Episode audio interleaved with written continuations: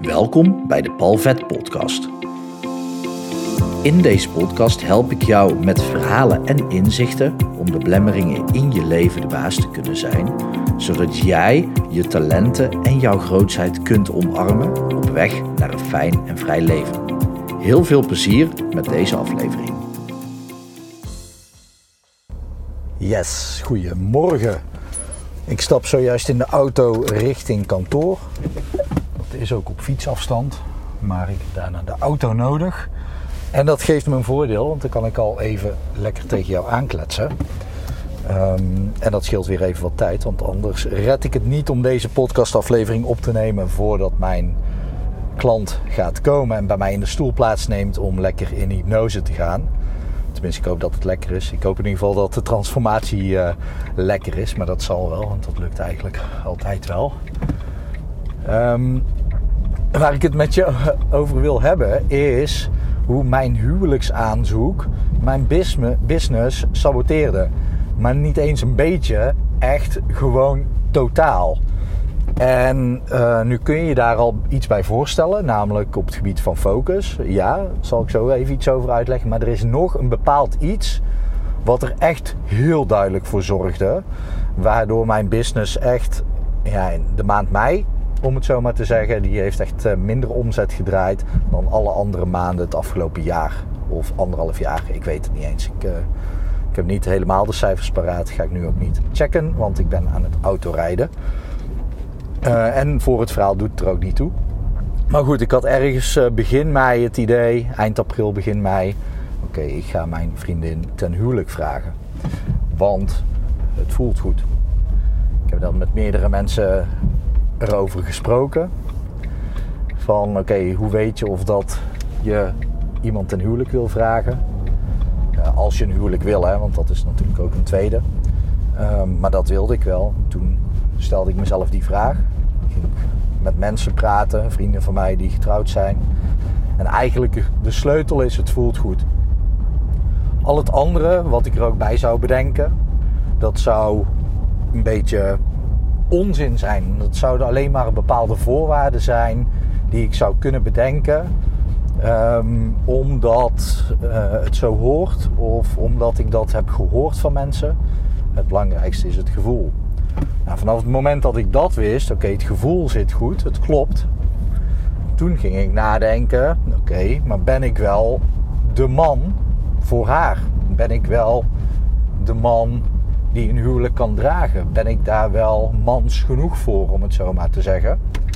En dat is echt een gedegen onderzoek wat ik belangrijk vond om te doen. Je moet dat natuurlijk helemaal zelf weten of dat, dat voor jou ook geldt. Maar ik vond dat enorm belangrijk om te doen. Omdat... Uh, moet even opletten dat een meneer ook daadwerkelijk daarheen ging waar dat die richting heen aangaf. Ik vond het enorm belangrijk om dat onderzoek bij mezelf te doen. Om echt te voelen, ja, dit, dit is iets voor mij. Ik ben daar klaar voor. Ik ben gereed. Ik ben goed genoeg ook om een huwelijk aan te gaan. Eerlijk genoeg, trouw genoeg. Um, dus dat stond helemaal los van de liefde van mij voor haar. Want wat ik al zei, dat klopt gewoon. Dat is gewoon goed genoeg. Of uh, goed genoeg, dat klopt helemaal. Maar dat onderzoek dat duurt ook even. Dus ik was alleen maar aan het focussen op: oké, allereerst wil ik haar ten huwelijk vragen. Hoe weet ik dat? Ten tweede, oké, daarna zelf onderzoek doen. Ben ik die man die dat zou kunnen zijn? Ja, vanaf het moment dat ik dat ook wist, dat ging wel vrij snel, want reflectie en reflecteren doe ik met grote regelmaat, bijna dagelijks. Um, dus ja, dat antwoord komt dan al vrij snel. Ja, en dan was het natuurlijk oké, hoe ga ik haar ten huwelijk vragen? Waar ga ik haar ten huwelijk vragen? Uh, met wat? Uh, gebruik ik een ring? En wat voor ring dan? En hoe weet ik wat de ringmaat is? Nou, die volledige focus, die was natuurlijk allemaal daarop gericht. Oké, waar ga ik haar ten huwelijk vragen? Oké, hoe? Met wat? Nou ja, met wat was dan wel het handigste om als eerste te regelen. Um, want om bijvoorbeeld een ring, ik zal niet in detail treden, ik vind het niet zo heel leuk om dat hele proces uh, met jou helemaal uh, te delen, omdat dat echt wel een stukje privé proces tussen uh, Bianca en mij is. Um, maar het, zoeken naar bijvoorbeeld een ring en het vinden van de ideale ring voor haar, Maar ook voor mij. Hoe wil ik haar ten huwelijk vragen? Wat vind ik kloppend? En wat vindt zij kloppend? Het zijn natuurlijk gewoon twee losse vragen. En dan kan je zeggen, ja, oké, maar je gaat haar ten huwelijk vragen, dus het gaat om haar. Oké, maar het is wel vet om iemand ten huwelijk te vragen. Ik bedoel, als het goed is, doe ik dat maar één keer in mijn leven. Ga ik in ieder geval wel vanuit. Ja, dan wil ik dus niet um, daar zomaar aan voorbij gaan naar mijn eigen behoeftes. Dus dat, dat moest ik allemaal meewegen en, uh, en afwegen. Moest ik ook nog stiekem ergens een ring van haar jatten, die op laten meten en weer op tijd terugleggen. Zodat zij niet door zou hebben dat ik een ring, zo, uh, ring even heb meegenomen van haar. Ja, heel die focus die ging volledig daarheen. Maar goed, toen had ik dat allemaal besloten. Ik wist ook waar ik het zou doen. Ik wist ook wanneer uh, die bepaalde ring klaar zou zijn. Toen zou ik het los kunnen laten, natuurlijk, dacht ik. Dat, dat aanzoek had ik ook wel globaal in gedachten. 100% regelen, dat, uh, dat wilde ik niet. Een um, klein beetje aan het universum overhouden, aan het toeval overlaten, dat wilde ik ook wel.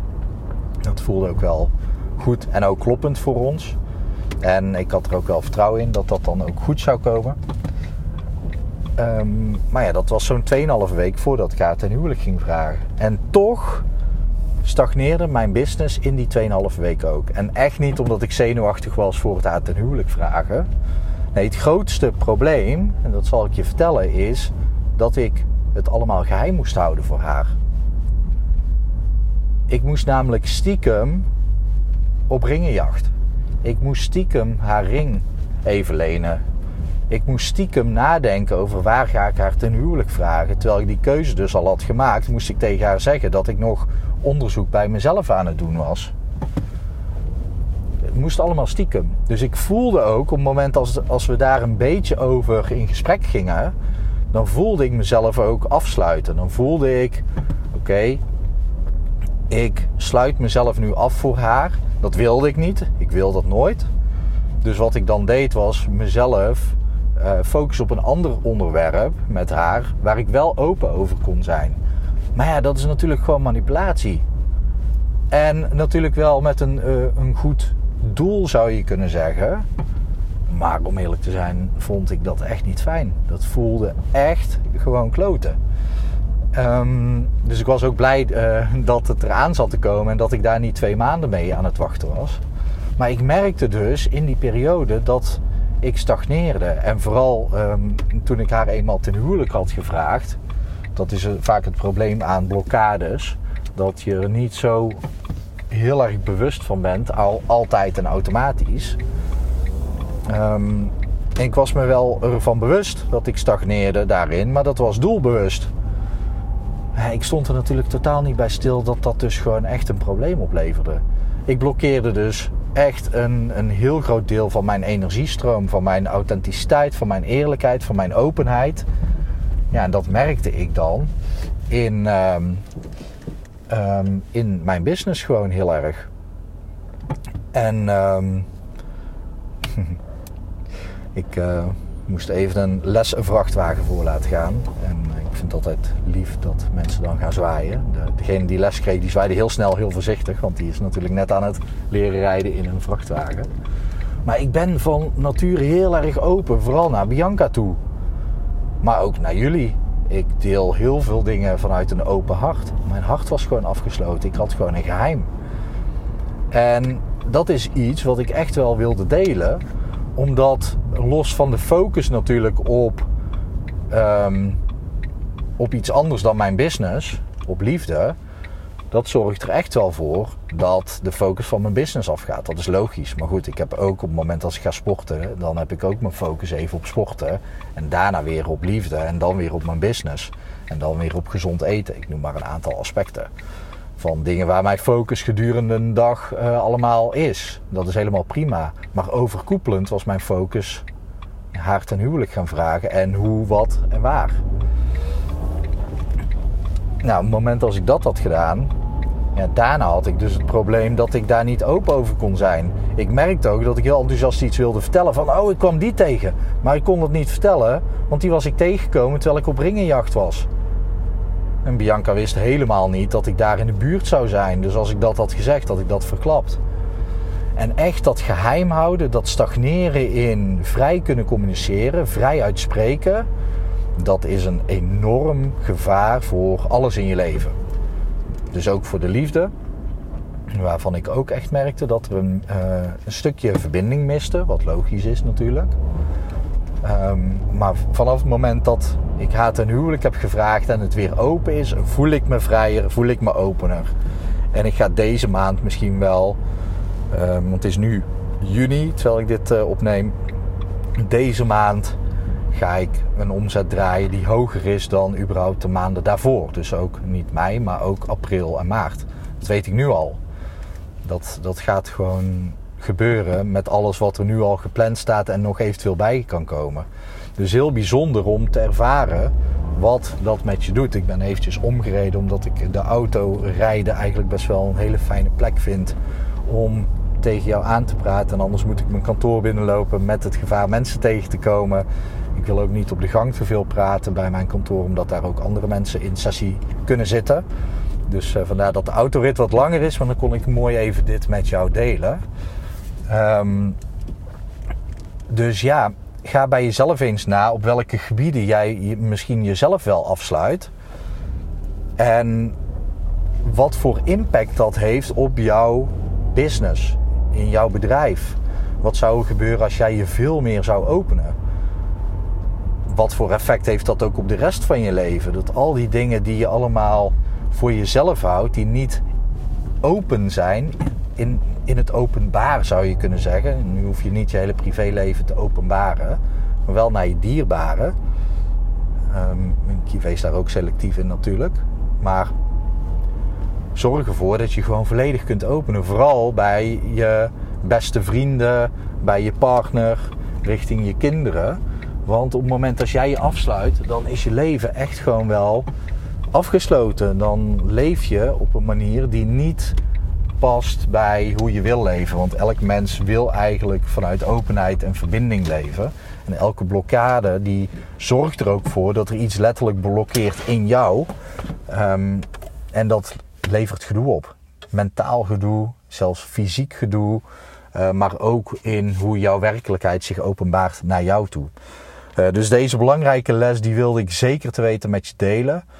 Um, omdat het mij zoveel heeft uh, laten inzien ook weer. En ik wist dat al wel natuurlijk. Uh, maar zelfs een leugentje wat nodig is om een verrassing te organiseren voor iemand. Ja, probeer dat dan. Kijk, een huwelijksaanzoek, dat, dat is misschien niet handig om al vooraf aan te kondigen dat, uh, dat je zover bent. Maar als je bijvoorbeeld een verrassing hebt voor iemand.